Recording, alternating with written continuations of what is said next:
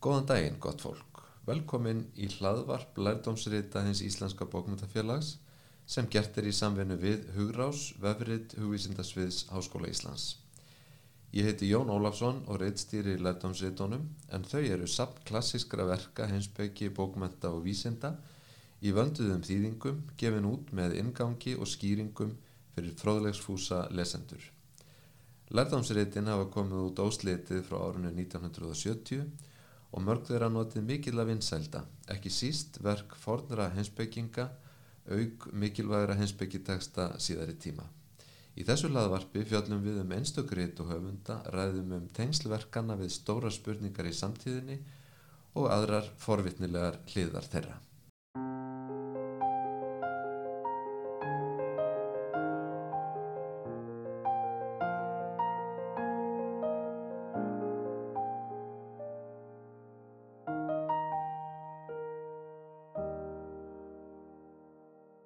Í dag ætlum við að tala um bók sem kom út uh, í lærtónsittunum fyrir ekki mjög lengur síðan. Það er ritið Pyrrhos og Kíneas eftir franska hinsbyggingin Simone de Beauvoir.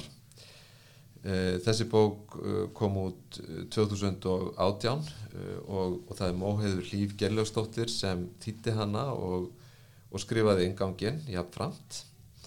Um, bókin er, er, var til upp úr mestaraverkefni uh, Móhæðar í þýðingafræði.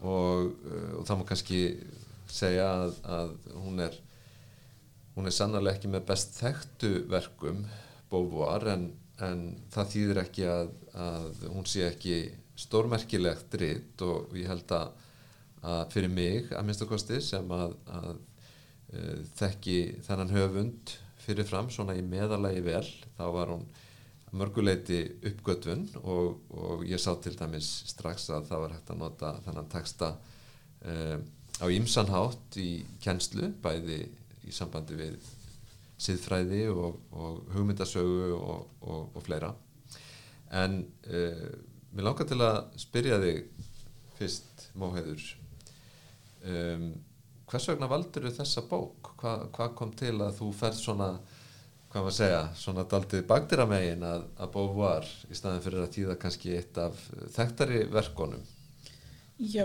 sko, hérna ég skrifaði sem sagt um, bíja verkefni mitt hjá henni Sigriði Þorgjarsdóttur um siðfræði Simon de Beauvoir. Og þá stuttist ég aðeins við þess, þetta verk. En, og hérna og það var henni Sýrir sem kom með þessa hugmynd og mm.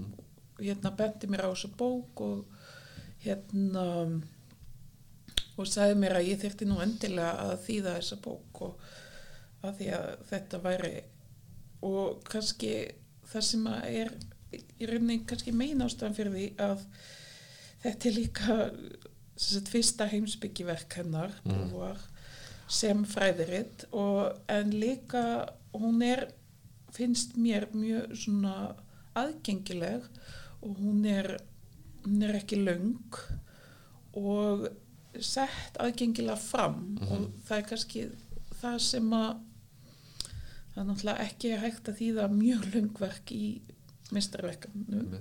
og það er það sem að hérna, já og svo finnst mér þetta bara mjög einmitt, var ég mjög heitluð af mm -hmm. bókinni Já. þannig að en það er einmitt sko hérna titillin hefur þessa vísun til fornaldar uh, til grískrar hinsbyggi, Pyrrhos og Kíneas hvað, hvað hvernig hefur að skilja þennan titill á bókinni? Já um, hún setur upp þetta verk mjög svona á klassiskan hátt mm og í rauninni sem samræðu og hérna og þannig fannst mér hún einmitt líka passa mjög vel inn í hérna, þessa reyndröð að því að þetta er einhvern veginn nánast eins og hún sé bara vísa beint í Platón eða og hérna og Pyrrhos og Kineas eru sér sagt eða þessar samræður hluti af þessum samræðum er til í bók eftir eða í riti eftir Plutarkos mm -hmm. og hérna Pyrrhus er sagt Pyrrhus hérna herfóringi sem að við þekkjum sem úr hérna hvað sé orðatiltækinu um Pyrrhusar sigurinn Pyrrhusar sigur, já. og hérna Kíneas er sem sagt ráðgjafi og, og hún sem sagt Kíneas er eh, svona hún er að vísa til eins síník Mm eins og efarsamdamaðurinn og, og hérna síníski hinn hin kaldhæðni Já, eða já. maður orðar það á íslensku.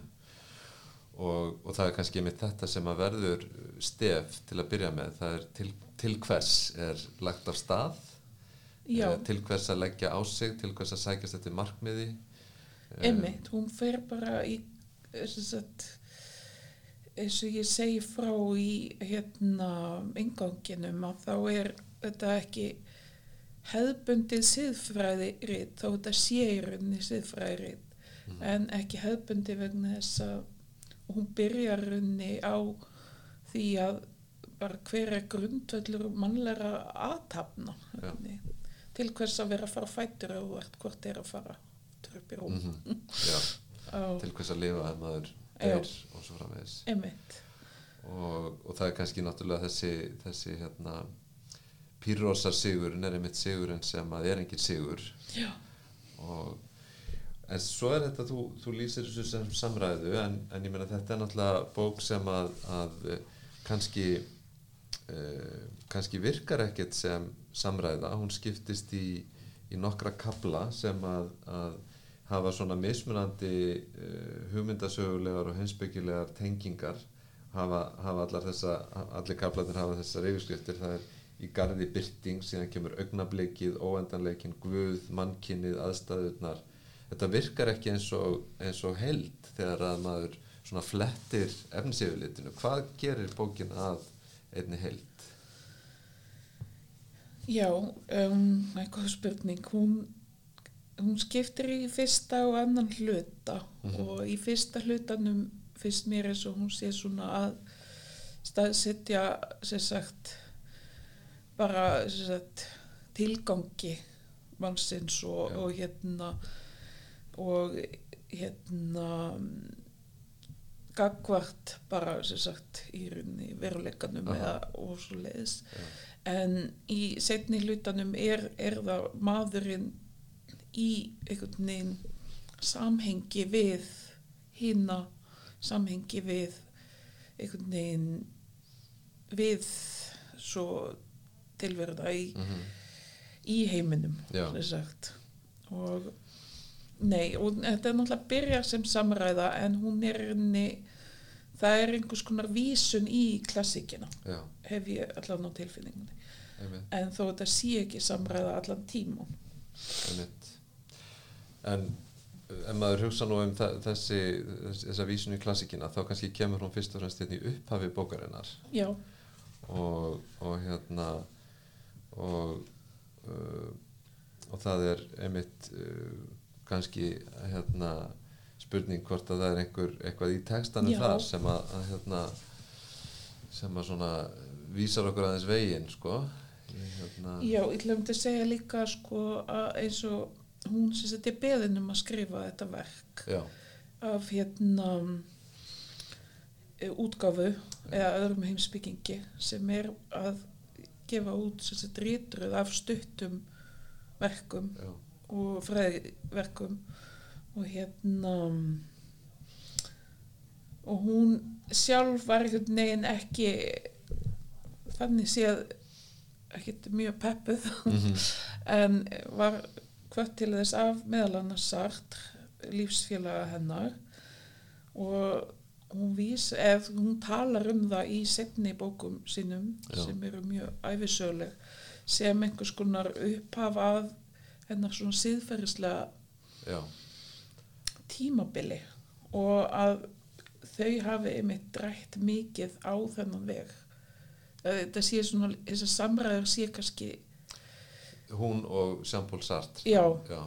við kannski, mitt, kannski rétt að nefna það þetta er Simone de Beauvoir svo oft nefnd í samhengi við Sartre einmitt, þó að það sé kannski að breytast á síðust árum að ég menna lengi vel að þá var hún í rauninni hún var lí- ál- álitin vera svona eins konar nefandi sart og eitthvað Já, svona, já. það er ekki þannig sem við sjáum hana kannski í dag nei, það er miklu jafnara samhengi á milli þeirra en auðvitað eru þeirra samræður alltaf stór hluti af hennar uh, skrifum ekki satt? Já, já, algjörlega.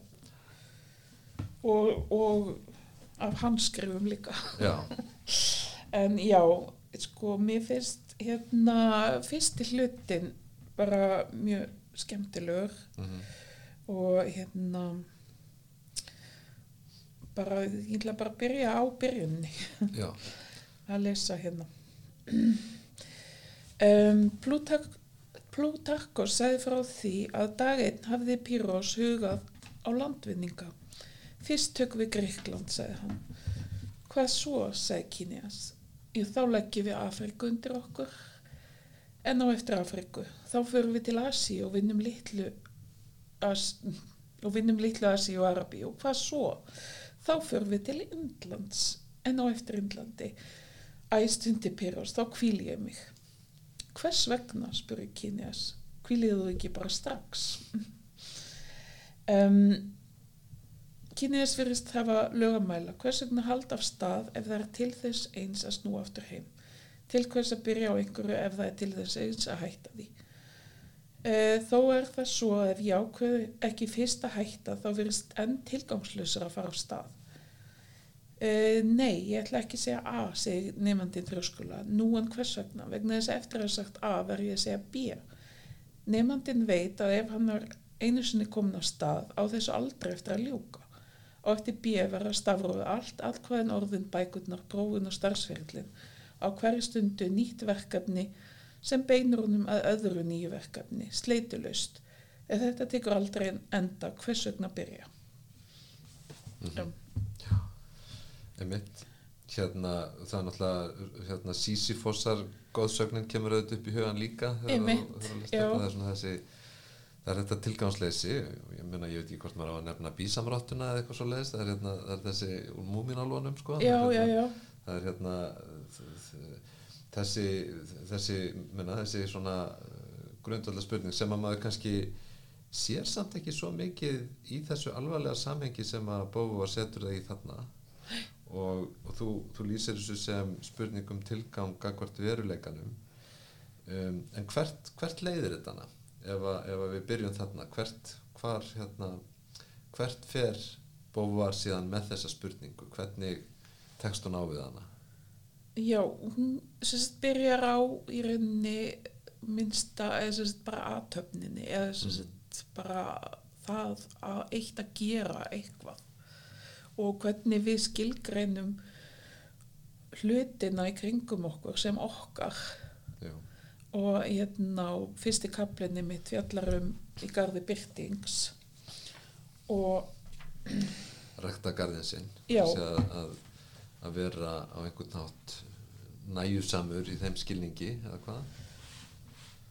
Já, um mitt eins og sko hérna það er svolítið merkilegt að sagt, algjörlega ingangurinn er hérna skáleitrar sem við fest mm -hmm. og hún segir einmitt um mannin og sagt, er að byrja á aðtöfninni og ég ætla aðeins að lesa hérna úr Mhm. inganginum aftur. En já, en hugsunin er líka sjálfsbrottin maðurinn gróðusettur byggir sigrar hann vill, hann elskar en alltaf er þetta hvað svo til staðar vera má að hann gefi sig allan af síjandur nýjum þrótti að nýjum verkefnum frá einu augnablikinu til hins næsta. Þannig hleypur Don Juan frá einni konni til þess eins að talda raga aðra. Sá dagur rannir þó upp að sjálfur Don Juan finnur fyrir þreytu. Sagt, það er einhvern neginn, það er alltaf ný, nýjar áætlanir og nýjar gjörðir sem að hérna einkenna tilvistina. Og það er mitt það sem að hún vil meina að sem sagt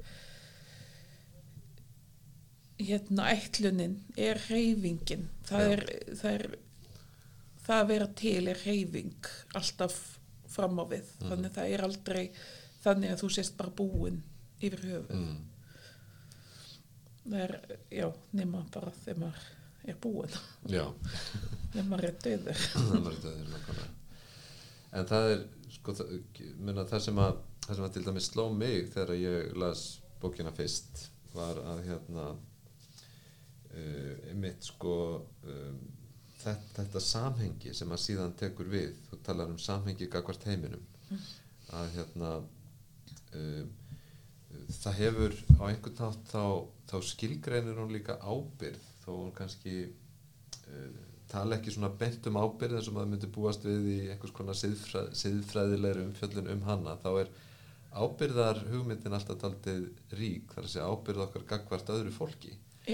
Og, og, og er þá kannski svarið á einhvern nátt við þessu byrtist það í, í uh, umhyggju eða ábyrð gagvart ekki bara þeim sem að varða okkur á okkar leið til að ná einhverju markmiði heldur í víðarsamhengi já, sko hún er mitt þarna skilur svolítið að hjá þeim að, hérna Sartre og Simon að hérna hún sér sem sagt mað, maðurinn er sem sagt subject og object hann er Mhm. alltaf og hann er, einhvern veginn getur ekki verið án hinna. Mm -hmm. og sem sagt, frelsi eins er ekkit er einskis virði án þess að séu aðrir einhvern veginn. Hún sér mannin í samhengi við aðra sem sagt, í samhengi við samfélag. Og hérna og að það er óumflýjalegt í rauninni að ef ég yfirstíg og ég átt að minni á ætlun að ég sé í rauninni að yfirstíga aðrar ætlanir og það er náttúrulega bæði hægt að gera það á slæman eða góðan hátt. Sem sagt að ég er í rauninni að og ég get skert frelsi annara og sem sagt og hún tekur sagt inn í þessa þessa í rauninni tvíhyggja tvíræðni sem sagt verunar að vera að sem sagt þú ert bæði sem sagt hérna facticity og hérna þú ert bæði staðvera og handanvera. Handan vera einmitt. Og hérna sem eru svona grundvallar hugtök í þessu ríti Mhm. handanverðan er að yfirstega þessi reyfing og en hinn staðverðan er unni subjectið já, í hjá næsta manni. Þannig að hérna og það er mitt þetta að þessi tvíhyggja að verkum að hún getur hérna um, hvað ég segja rökrétt það að maðurinn neinn þarf að þú veist, frelsi eins er ekki ótakmarkað og ekki hérna og hefur áhrif á aðra. Og þar með höfum við ábyrð já, eða ég skil það þannig. Já, ábyrðin sprettur af þessu hérna því hvernig við erum háð Já. og aðrir eru háðir okkur. Einmitt, ekki af því hvernig við tálkum út uh, sjálfstæði okkar gagvart öðrum. Einmitt, já. Og hún er mitt svona hvað ég segja, hún er mikill svona réttlætis auksuður já, finnst mér. Og það er svona eins og Sigurður Þorger sem ég talar um í bók sem hann skrifaði eða svona sabriti já um, með meðal annars þýðingum á brotum úrverkum já, já, já, Bóvar. einmitt að hún er einhvern veginn hún er alltaf að hugsa um uh, hvað ég segja þessa uh, lítilmagnan Já. uh, þessa minni minni hlutahópa Mhm. og, og já, og náttúrulega konur sem kannski ekki beint minni hlutahópur Já.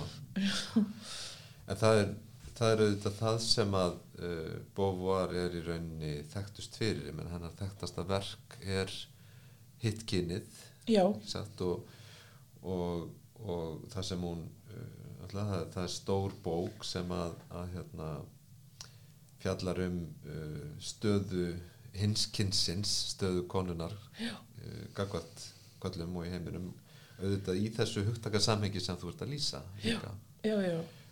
Hvernig, menna, ef þú ættir að tengja þessa bók við hittkynið, hvernig myndur þú gera það? Sko, um, þessi bók finnst mér vera mikil svona, mikil svona ingangur í rauninni að hennar setni verkum, meðal annars siðfræðtýraninnar og svo hinu kyninu og, en líka skaldsögum hennar sem að, að því að hún leita á sig sem fyrst og fremst sem ríthönd sem að fannst að hún gæti haft áhrif með sínum og að ríthönd ætti að hafa áhrif á pólitískan hátt Já. og vera aktivistar. En þegar hún skrifar hitt kynnið um, þá er hún að skoða ástand konunar í rauninni á fyrirbæra frælan hátt og einmitt að skoða konuna sem hinn Já, í samfélaginu. Og þess vegna er fyrst mér þetta vera mjög góður ingangur að því að þetta er bæði aðgengilegt mun stittra en líka bara að hennar svona hugsun uh, og hennar hérna heimspekilegri heimspekileg hugsun. Já, hún er kannski kemur að sumuleiti skýrar fram þarna heldur en svona meira vafin eða ofin inn í floknara samhengi í hinu kynni. algjörlega, algjörlega. Og, og svo náttúrulega er hún í þessu verki um, hún hérna vitna mjög mikið í bókmyndir og, og hérna og þetta er einhvern veginn finnst þetta vera mjög aðgengilegt á þann hátt. Hún er einhvern veginn ekki að flækja og þess að lesa á fransku finnst mér í mitt. Þetta er aðgengilegur texti. Já. hún er einhvern veginn ekki að reyna eins og mér finnst oft að með franska einsbygginga Mm. skrifa langar óskiljanlegar setningar. En hún en er einhvern veginn með svona meitlan stíl. Já, einmitt. Hérna, um, það er kannski þessi, við langar að halda þess áfram með þessa spurningu um ábyrðar, uh, ábyrðarhugtækið, sko, að það er hérna, um, uh, sko, ég meina, að mörguleiti að þá er hún uh, hérna og, og það á öruglega við um, um fleiri verkana líka. Hún er að, að hérna hún er að svona kannski hafna karlægum sem við myndum í dag kalla karlægan mannskilning sem að gengur voðalega mikið út á uh, hérna svona hlutlægni og, og, og nú er ég kannski ekki svo mikið að hugsa um þetta tilvistar hensbyggilega samhengi sem hún er í heldur bara meira svona almennt um, um siðfræðilega spurningar. Við sjáum til dæmis að, að svona í í, uh, í siðfræð og stjórnmála hensbyggi uh, síðust áratuga þá er þetta oft stórt þema þar að segja sjálfstæði og, og hérna og um, að mörguleiti uh, uh, hérna það að vera færum að beita uh, hlutlegum hugtökum án tillits til persónulegra sjónarmiða til dæmis. Og það er nú fræg uh, svona uh, átök sem að verða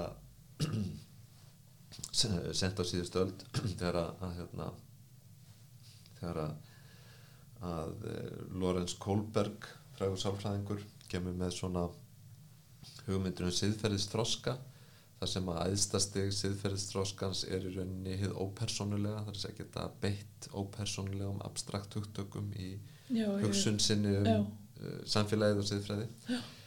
og Bóvar er náttúrulega að fara í aðra átt og maður tengir hana kannski meira við uh, einmitt feminíska siðfræði eins og umhyggju og, og annað slíkt og sko og, og þegar maður les þessa bóka þá finnst mér það verða svona svo skýrt sko, meira heldur en kannski kynja spurningin sem slík.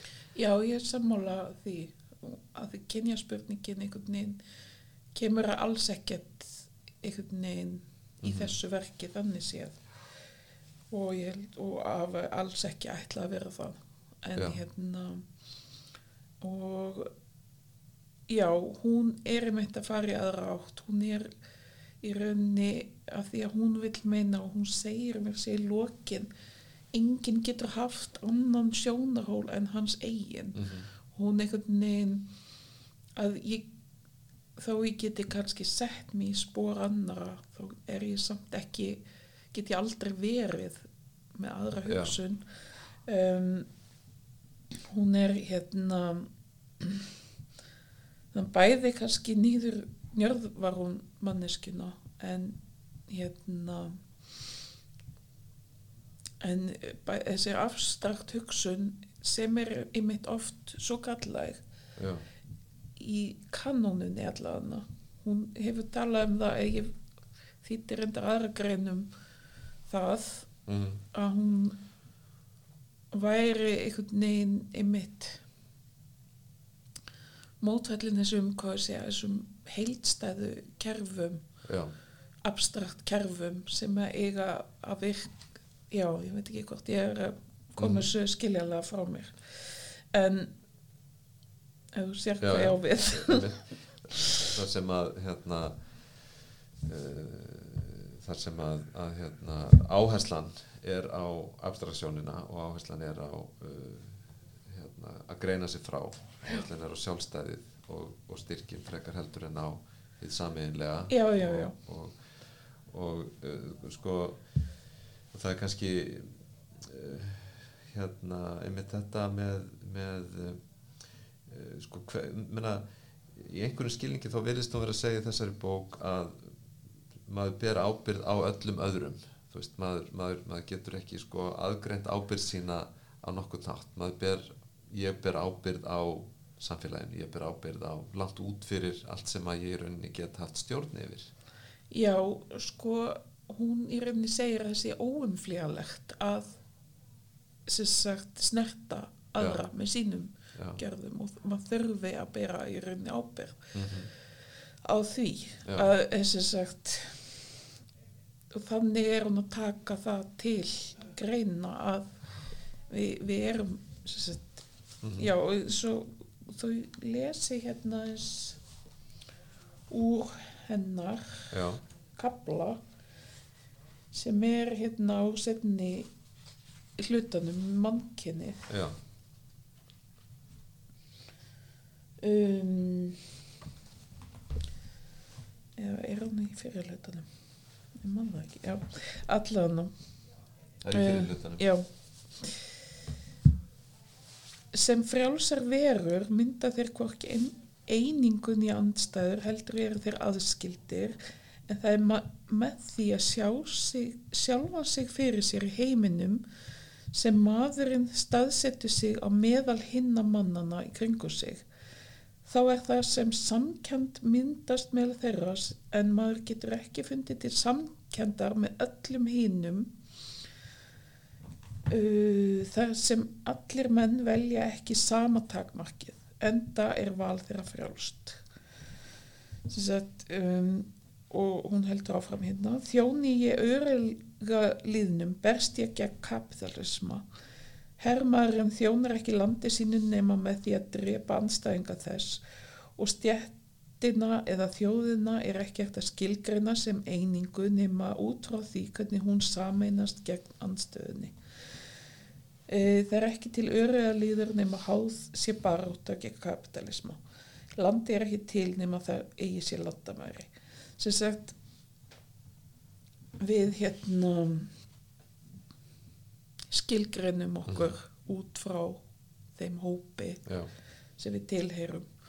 Og það má kannski líka taka það fram. Hún er að skrifa þetta verk í setni stríðinu eins og 44 kemur át og já það er alveg af því það er líka alveg svolítið dökkur tón líka í því það er þessi einhvern veginn hvernig við hérna getum einhvern veginn það er óumflýjanlegt að snerta frelsi annara Já, og við þurfum að taka ábyrg en líka hvernig ofbeldið virðist vera mhm, óumflíðalegt Já. En það er einmitt, uh, þegar lýsir því sko, þú talar um þetta sem aðgengilegt verk, en það þýðir ekki að þetta sé létt, að það hefur létt yfirbræð, það er einmitt hefur aldrei svona þessa, þessa svona dökku mynd sko, Já, og já, svona, já. svona ég, ég, vil nú ekki nota orðið þunglindislegur, en það er ekki svona, þetta er ekki, er ekki mikil svona gleði eða fjör í því kannski. Nei, nei, í saman á þessum að sé endilega að segja þetta í einhverjum góðum eða slæmum tilgangi það er bara eðlið, maður finnur það Já, einhvern veginn, að þetta er skrifað á erfiðum tímum. Já, já, já, mér finnst það mitt. Sammála því.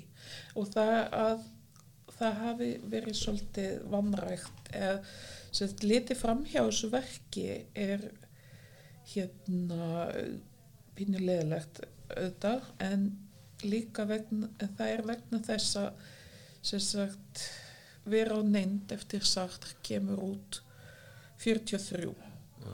og þetta, það er litið á þetta verk á lengi vel sem bara einhvers konar neðamálskrein Mm. og sem að skipta ekki máli en svo þegar þetta verk er svo þegar fyrir að skoða þetta verk nánar sjáum við að þau er inni svolítið ósamála já, þannig að og hérna og það er nú kannski einmitt eitt sem að hefur meira og meira verið að koma fram svona í skrifum um þau bara á síðustu árum. Já, hvað að mörguleiti þau eru ólík þó að þau myndu bæði tengjast tilvistar heimsbyggja bóvar kannski nær svona Heidegger og, og, og slíkum Já, já, já. Hún er mitt leyti. skrifa hún var fór til Berlínar já, og var þarna og er einmitt að hugsa nær hættingar já, einmitt. En sko einmitt þetta atriði með, með hérna skil, sjálfskilgreiningu og, og þetta sem varst að lesa að, að sko meina, er ekki rétti lesturinn á því þessi að það eru þetta eru tilvílennakendar skilgreiningar hópaður, ég meina segjum ef við setjum bóvar í, í samhengi við uh, umræðuna í dag. Þú Já. veist að þá auðvitað er mjög nærtægt að, að hugsa um uh, hennar eða svona að sjá hana í tengslu við MeToo og allt sem hefur gerst á síðustu fjórum árum sem að varða það. En, en, en ef maður líka, líka að hugsa um uh, efni eins og lofslagsbreytingar já, og svona þessi stóru viðfónsefni sem að krefjast þess einmitt að fólk sé fært um að skilgreina sig og sjá sig miklu víðara samhengi. Einmitt. Er þá ekki kannski þessi hugsun hennar det, fellur hún geta aldrei vel inn í það? Jú, jú, algjörlega. Þegar einmitt ég mitt svolítið áhugaverð pæling að hérna setja inn uh, já, algjörlega. Ég held að hún er mitt eins og ég held eins og, já ó, afsakið, en ég held að hún sjáu sig mitt sem og sjáu eða þessi hugsun sé fjalli um það að um, við einmitt þurfum að bera ábyrð á hvar við snertum já, en líka sem sagt í stóra samhenginu. Hvar sem sagt bara við sem bara fólk í einmitt. samfélagi. Já. Að- í rauninni að skilja hérna, vera færum að setja uh, skilja ábyrðina sem við berum á gerðum okkar og orðum í, í samhengi sem er miklu víðara heldur en, já, heldur en við kannski oft gerum ráð fyrir. Já, algjörlega og hérna en mér er stoltið aðtökulsegt að spá í hvað hún myndi hugsa þó að sé náttúrulega nánast ekki hægt varandi me too -hmm.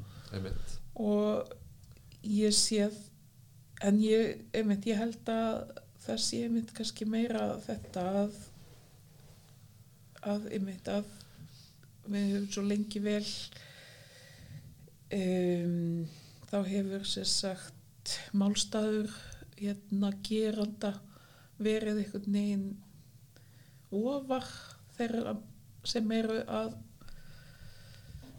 eða sem sagt hvað ég segja þú meinar að uh, MeToo hafi daldið svift hulna því hvernig gerendur eru kerfisbundi verndaðir já, já, já, í, einmitt. Í bara samfélagi þar sem að lögin eru gerað fyrir sektun sekt, uh, já. Sagleysin sagt er sönnu já, einmitt. Sem að í kerfi þar sem að fórnalömp hafa ekki eða geta ekki talað Já. já og, og rödd fórnalamsins er alltaf háð því að verið sé að setja fram ásakanir sem að þurfi að sanna og Já, það er sjálfkrafa er, er efast um allt sem að fórnalambi segir um það sem hafi hend algjörlega og þar sé ég einmitt þessa bók sem í rauninni Mhm. þá er það er verið að ganga á annað fólk já, með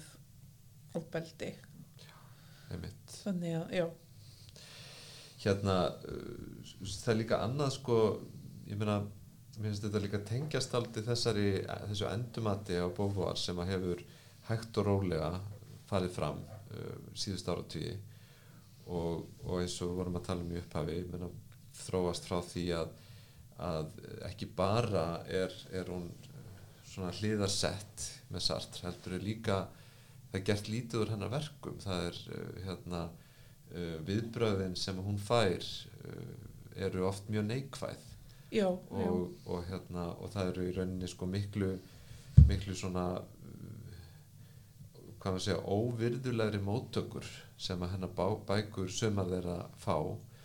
Ekki síst uh, hitt kynnið á sínum tíma. Já, og, og, svo, og, og sem sagt, þannig að hún er í rauninni kannski að verða til núna sem þegar við horfum á, á, á Beauvoir sem, sem heimsbygging þá, þá, er, þá, getum við ekki farið tilbaka í hérna samræðuna sem hún var hluti af á sínum tíma heldur þurfum einhvern veginn að endurtúlka verkin hennar inn í nýtt samhengja því að það er ósangjörn og, og, og, og, mörguleiti vond umræða sem að samtíminn býður upp á fyrir, fyrir verkin hennar, kannski ekki að öllu leiti en að einhverju leiti já.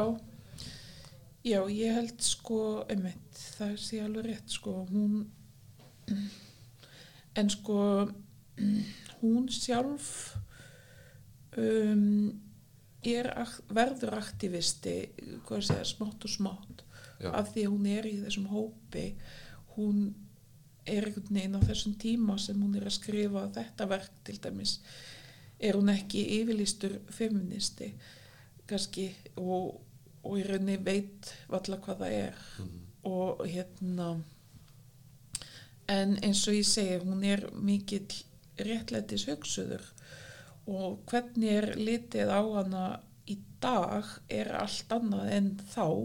En það er líka hlut af þessu er líka að hérna að frakkar líta ekki á existensialisma til dæmis sem heimsbyggi yfir höfuð og líta miklu frekar til þýsku heimsbyggingana Já, sem að existensialistar reyndar lítu mjög mikið upp til líka og hérna þannig að þetta er það er alveg ljóst að hún og rattir hvern heimsbygginga er náttúrulega bara að koma miklu meira loksins í dag sem er svolítið seint en þetta er mjög kallæg svona fræðigrein. En síðan er þetta kannski með, með Beauvoir að þá þó að, við myndum við, við, þó að við, við sjáum alveg hvernig uh, hvernig viðtökurnar engjannast af þessari ránkhugmynd um hennar stöðu Já. að þá þetta er hún líka geysilega þekkt og áhrifamikill persónuleiki í já, samfélaginu já, hún er mjög hún er náttúrulega byltingakent á margan hátt á sínum tíma Mm. hún lifir ekkert hefðbundu fjölskyldu lífi og hún er nýjunda konan sem útskrifast úr Sorbonne Já. til dæmis en hún fer inn í nám af nöðsinn Já.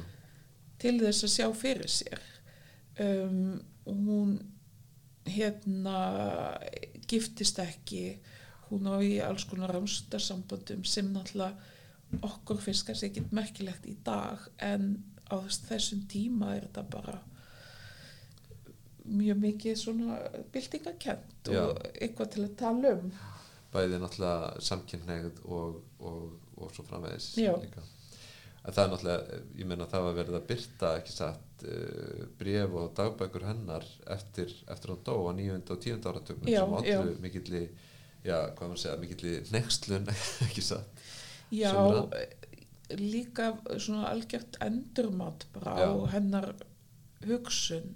Það byrjaði allt held ég í Ameríku veist, og svo Já. hérna á Norrlöndum. Mm Það sem að er mikið verið að hérna rýna í hennar verk. En ég held að sé ekki ennþá, ég held að sé ennþá þannig í mörgum háskólum í Fraklandi að, eða þú veist, ég get náttúrulega ekki alhæft en Mhm. að það sé ekki lesið hvorki hún ég sagt nema í bókmyndakursum já, já, emitt þannig að þú veist en, en og svo en, eins og hún átti kannski byltingakjönd ástalífi sín tíma þá átti hann það líka. Mm en það var ekki tekið með þegar hann, nei, hans verk voru skoðið já, það er akkurat en hérna uh, við förum nú að kannski slá botnin í þetta spjall, það er með, kannski bara ein svona svona almenn spurning um bófa ráður við hættum og kannski viltu lesa eitthvað smá brot Já. úr verkinu að lokum en, en mér langaði að spyrja þig sko um, sko einmitt með þessa heimspekilegu stöðu nú er, nú er þetta auðvitað, auðvitað alltaf daldið svona hérna svona uh, írónist og tvíræð fyrirbæri sko þetta um heimspekilega stöðu og hver er merkilegur heimspekingur og hver ekki sko. Um, hérna uh, það er alltaf hérna, hluti af, af innan búðardeilum heimspekina snýst náttúrulega um það að útiloka aðra heimspekinga já, og hvort sem að það er fólkið í því að, að hérna að, segja að Derrida vera loddara eða, eða, eða segja einhvern vera rítvönd frekar en heimspeking eða bókmentamanniski frekar en heimspeking. En, en svona almennt sko hvað myndur myndir halda með Beauvoir sko? Er, er hún höfundur sem að uh, á eftir að halda sínu gildi, þú veist, jafnvel ekki síður, jafnvel frekar heldur en Sartre, sem að, ég meina Sartre er að mörguleiti svona uh, forgengilegur hensbyggingur, sko, en Beauvoir virðist vera að koma inn með, eða að virðist vera að sjá, sko, lestur og hennar verkum sem að hefur einhvern veginn miklu meiri relevans fyrir samtíman, e eigum við eftir að sjá hana sem, þú veist, mikil, einn af, uh, sko, miklu miklu mikilvægari kanonískar heimsbygging í framtíðinni eða hvað myndur að halda þú eftir að, að spá? uh, já, ég er náttúrulega er hennar kona Já. þannig að örgla myndi ég halda það en hún náttúrulega eins og hennar sjálfsæfisögu verk eru fyrst mér mjög merkileg hún er Já. eina fyrstu sem að skrifa um ellina og hvernig það hefur áhrif og svona bara nánast eins og hún er að skrifa um konuna fyrir bara fræðilega rannsókn. Mm -hmm. og þannig að ég held að hérna kannski meira af existentialísk heimsbyggi sé mjög relevant af því einmitt við erum einhvern veginn í þessu stundum trúlausa nýhiliska samfélagi. Mm að þá að finna merkingu í þessu bara þessu hérna daglega og þessum fyrirætlanum þannig að þannig já, mér finnst það sem að kannski ástæðan fyrir því að, að sagt fyrir hann aðeins út í skurð er að þessi að hann einhvern veginn tekur ekki já, mikið samfélagið inn sem Mhm. sagt, eða maðurinn í Einmitt. samhengi við aðra en það er kannski, hann gerir það setna mögulega en ég held algjörlega að hún eigi mitt og það sé hægt að lesa verk Beauvoir bara lengi inn í framtíðina sko. það er svona mín Já, tilfinning akkurat, heyrðu, en þú ætlar kannski að lesa smá brot úr, úr hérna já, ég ætla bara ég ætla að klára á endanum Mhm. og hérna og eins og allir góður heimsbyggingar klára hún að sjálfsögða spurningu og hérna þetta verk og við langar aðeins að lesa það. Hérna, okkur er frjálst að yfirstíga alla handan veru, við getum alltaf flúið einhvert annað, en það er samt alltaf einhver staðar mitt í okkar mannlega hlutskipti. Við munum aldrei geta flúið það og höfum enga leið til þess að skoða það utanfrá dæma. Það eitt ger okkur kleift að tala.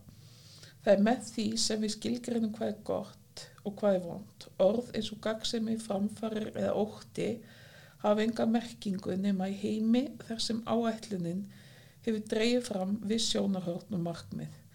Þau gera ráð fyrir þessas, þessari áætlun og gætu ekki verið án hennar. Maðurinn þekkir ekkert nema sjálfa sig og gæti ekki látið sér dreyma um neitt annað en það sem er mennst. Við hvað á að bera hann saman? Uh, hvaða maður getur dæmt mannin í nafni hvers myndi hann tala? Og þetta eru loka orða hennar. Já, og þá höfum við að loka orðin hér líka. Móhauður Líf Gjellustóttir, takk kærlega fyrir spjallið. Já, takk sem leiðis.